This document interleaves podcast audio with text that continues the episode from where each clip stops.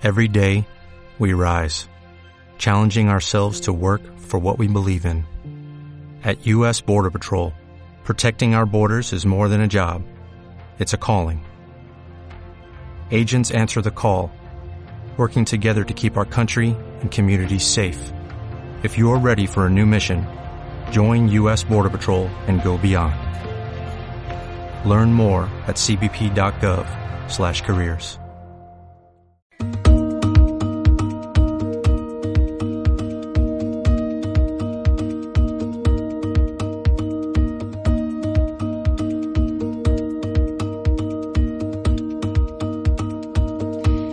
Juanma Gallego, Arratsaldeon. Kaixo, Arratsaldeon. Gaur zurekin erlijioari buruz hitz egingo dugu, e, zehazki erlijioari buruz eta batez ere Jugoslavia ohiko Eliza Eliza ortodoxoaren barruan sortu ziren tirabirei buruz.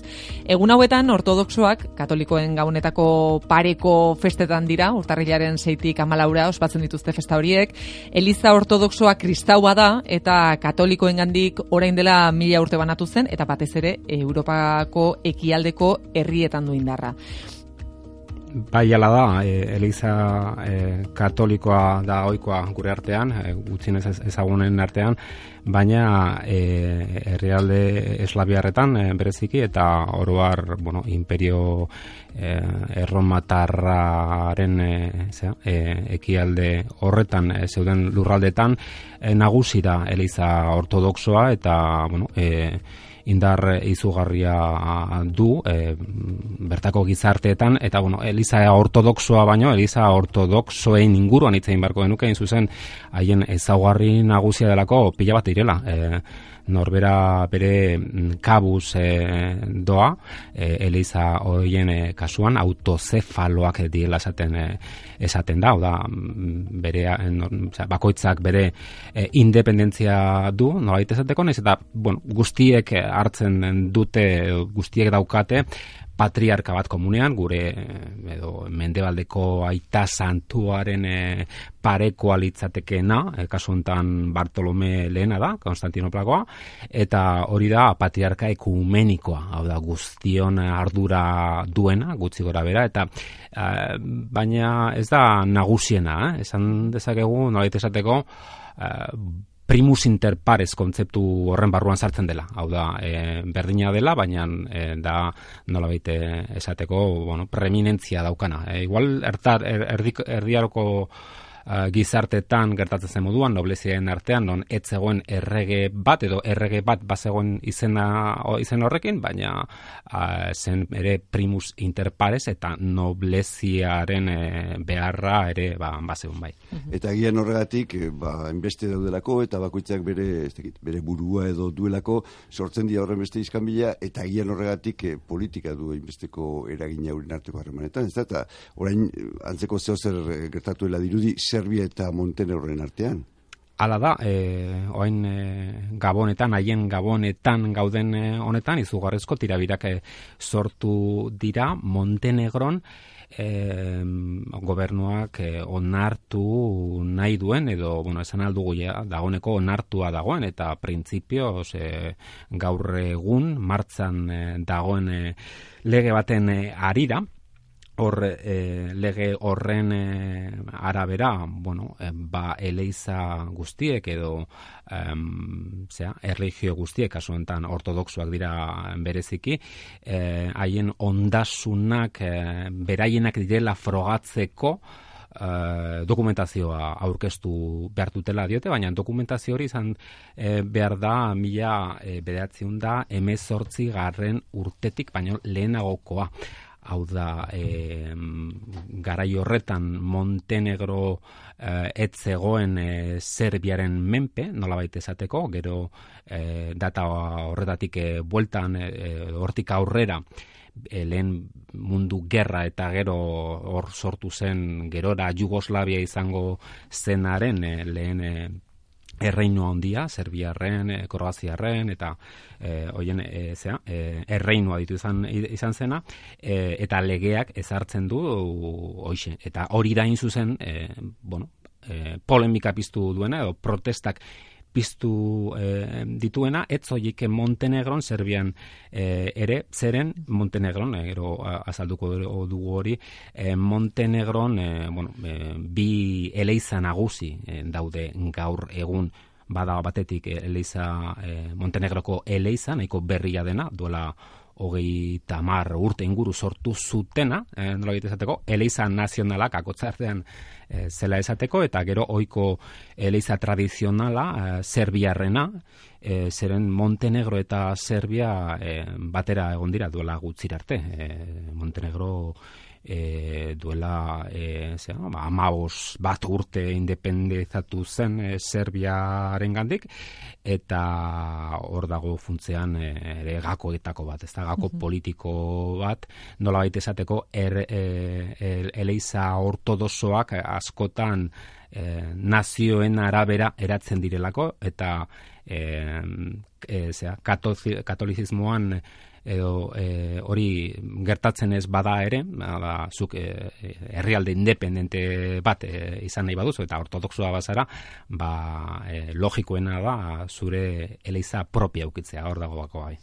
Montenegron onartu duten lege horrek, azaltzen zenuen lege horrek, eliza ortodoxoaren ondasunak zeintzuk diren eta zeintzuk ez e, zehazten du, ez? E, arazo hori hemen ere izan dugu, estatu osoan, baina batez ere Nafarroan, ez? Eliza ondasun asko bereganatu zituelako e, batzu batzuk herrienak edo udalen, udalenak izan arren. Montenegro eta Serbiako Eliza Ortodoxoen artean sortu diren gorabera horiek, aipatzen zen dituen gorabera horiek kutsu politikoa dutela azaldu diguzu, baina kontu hau e, ez da berria, ez, Ortodoxoen artean, ze Rusian eta Ukrainan esate baterako Elizak banatu ziren arrazoi politikoak zirela eta duela urte bete, e, justu, e, bete da hoen urte bete hori gertatu zenetik, e, ofizialki, e, Ukrainiako Eliza Ortodoxoak lortu zuelako uh, independentzia. Nola baite, simplifikatu zen, nola baite ezateko, hau da, Eliza propioa e, izatea, eta hori e, zera, Bartolome lehenak onartu zuen. Lehen ezan dugu, nola e, horrek betetzen duen, e, nola baiteko e, primus inter pares horren papera, eta zilegitasun bat e, ematen dio Bartolome lehenak e, agiri hori sinatu izana, e, eta hemen ere gutxi gora bera antzeko agartatu zen Ukraina eta Errusia, Montenegro eta Serbia, ezta? Hor e, anai nagusiak eta txikiak. E, hor batetik e, Ukrainiak lortu du bere eleiza nazionala eukitzea eta Ukrainiako agintariek askotan leporatu diote eleiza Errusiarrari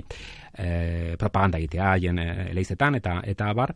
e, baina lortu dute e, banatzea eta horrek ere eragindu e, Bartolomelenaren eta Moskuren arteko distantziamendu bat nola baita esateko batzuk esaten dute kasi kasi apurketa edo zisma baten e, atarian egon gaitezkela eleiza ortodoxioren baitan. Hain zuzen e, Bartolomek mantentzen duelako oiko bueno, e, zilegitasun tradizionala baina dudarik gabe eleiza ortodoxoen artean Moskukoa da e, indar gehiena duela, duena, bai fedeen aldetik noski, eta baita ere, ba, bueno, bere, daukan indar, e, nola esateko geopolitikoaren gatik, ez da, daukan e, indarragatik.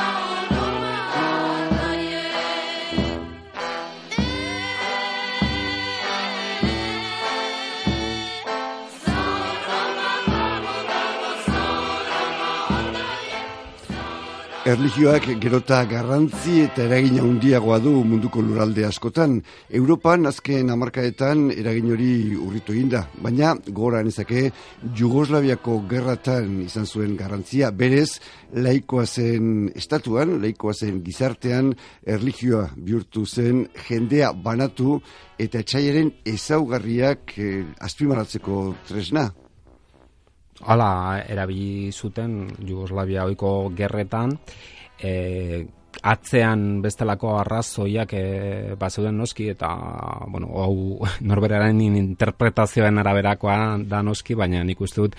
izugarrizko e, pisu handiak e, pisu handia izan zuela ekonomiak zentzu zentzurretan e, bai Eslovenia eta Kroaziaren aldetik Europan aldeko apostu egiten zutela eta Europan txertatzeko batez ere Europar batasunean txertatzeko bidean zeudela. E, Serbia hor e, erdian zegoen e, aspaldiko e, zea, denbora gogoratuz eta Serbia undiaren e, ideia hori e, berreskuratuta eta eta gero e, baziren e, bereziki e, bueno, e, Kosovo aldean eta hor e, zea, ba, nolabiteko e, botere ekonomikorik gabeko e, lurraldea eta Macedonia adibidez, ezta? E, baina bai erabili izan zen noski e, gerra hoietan erlegioen aitzakia batetik zeuden e, e, bueno, Esloveniarren kasuan ez horren beste e, beraiek e, e, katolikoak izan dare gehiengoan e, ba ez zaukaten e, hor erligioak ez zuen horren besteko garrantzia izan, e, baina bereziki Kroaziar eta Serbiaren arteko aldea, bereziki ba, guztiz erligiosoa zen, hain zuzen hizkuntza aldetik, e, kultura aldetik, e, e, nahiko e, zera, herri e, komunak dielako, antzekoak direlako ez da, baina nor dagoen alde nabarmena da katolikoak e, izatea batzuk eta e, zera, e, ortodoxoak kristauak, eh, guztiak kristauak, eh, baina eh, besteak ortodox, osea, guztiak kristauak, batzuk katolikoak besteak ortodoxoak, eta gero eh, zegoen hor hirugarren faktore bat, eh, eh, eta gerran garrantzi izugarria izan zuena, eh, musulman darrena, hor eh, imperio, orto, esea, imperio otomanoaren ondorengoak, bai, eta eh, hor, eh, bueno, mm, nola biteko tirabirak horren arabera e, eratu, eratu ziren, noski, erligio bakoitzak zeukan nolaiteko lerrotzearekin edo, ez da, e, katolikoak gehiago Europarekin edo mendebaldeko mm. Europarekin, eta e, zera, e, ba, ortodoxoak, serbiarrak e, kasu ontan e, errusiarrekin e, lerrokatuta, eta da, bai. Bai, impresio ematen du, e, garai haietan, eta jugurleako gerra lertu horretik, eta baita garai hartan, bai ortodoxoek eta bai kroatek erabili zituztela euren erlijioak, euren burua eta euren hortasune indartzeko eta musulmanena edo musulmanerekiko mesprezia bizka, ba, bueno, beste erlijiori ba, kanpora botatzeko edo edo hori, ez da, zer, ez da. Eta erlijioi buruzari garen ez, eh, esan aldeiteke Europan edo bintzat Europako zenbait lekutan erlijioa galdutako lekua eta garantzia berreskuratzen ari dela. E, Europako zenbait lekutan nik esango nuke baietz beti ere aitzaki erabilita e, oaingoan eta gero etorkizunean beste zerbait izango da. Hau da, orain gaur egun e, Ungariako gobernu konservadorea ari da erabiltzen erligioa adibidez e, politika egiteko. Hor, hartan ez dago dudarik, e, Viktor Orban e, politikariak e, erligioa e, zera, e, kristautasuna erabiltzen duela e, bere politikak e, justifikatzeko eta incluso eh, kasi kasi eh, zera, Ungariatik kanpoko eh, ekintzak eh, burutzeko munduko kristauei laguntzeko eh, batez ere eh, ekialde hurbilean eleizak eh, berreskuratuk eta eta bar baite esateko kasi kasi Saudi Arabiak normalean egiten duena mundu eh, musulmanean ba, berdina egin nahi du eh, finantziatzea e, katolizismoa, oroar kristautasuna, kristautasuna e, jazarrita dagoen eremuetan. E, Polonian ere erabili mm-hmm. izan dute baino gehiagotan, baina esan bezala, aitzaki bezala, e, hori ortodoxoi dagokionez, e, musulmanei dagokionez, Bosnian eta Turkian e, Europatzat hartu badezakegu, e, ba, bueno, e, hor e, Turkian bai izan du edo badauka izugarrizko garrantzia erlijioak, baina adibidez Bosnian e, baterez eta incluso e, Jugoslaviako gerretan eta e, ara nolait e, lehen jihadistak ara joaten zienen eta e, Bosnian aritzera askotan e, predikamendu askorik ez zuten izan, claro, ezta? Oso Eta horako lehendik ere inungo oinarririk. Ja. Hoize, bai, e,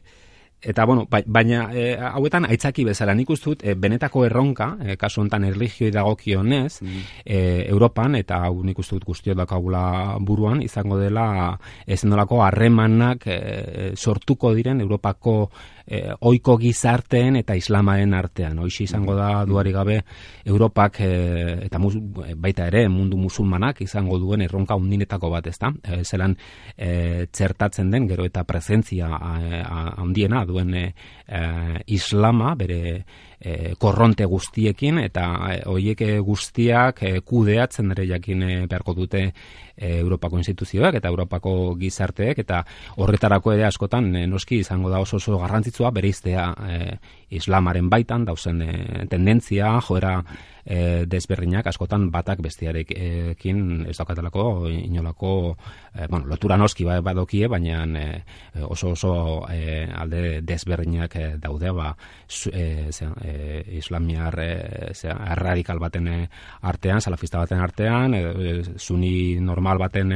artean, txi normal baten artean, edota nola esate, sofi baten artean, eh? nola esateko horre izango da, izango du Europak e, etxeko lanak egiteko garaia. Bai. Ba, Juanma Gallego, eh, eskerrik asko gaur, Eliza Ortodoxoaren barruan dauden tirabira hauek azaltzeagatik, eta datorren astean, eh, bueltan izango gara zurekin, ordu berean, baina gai ezberdin batekin. Oso, ondo, mi esker.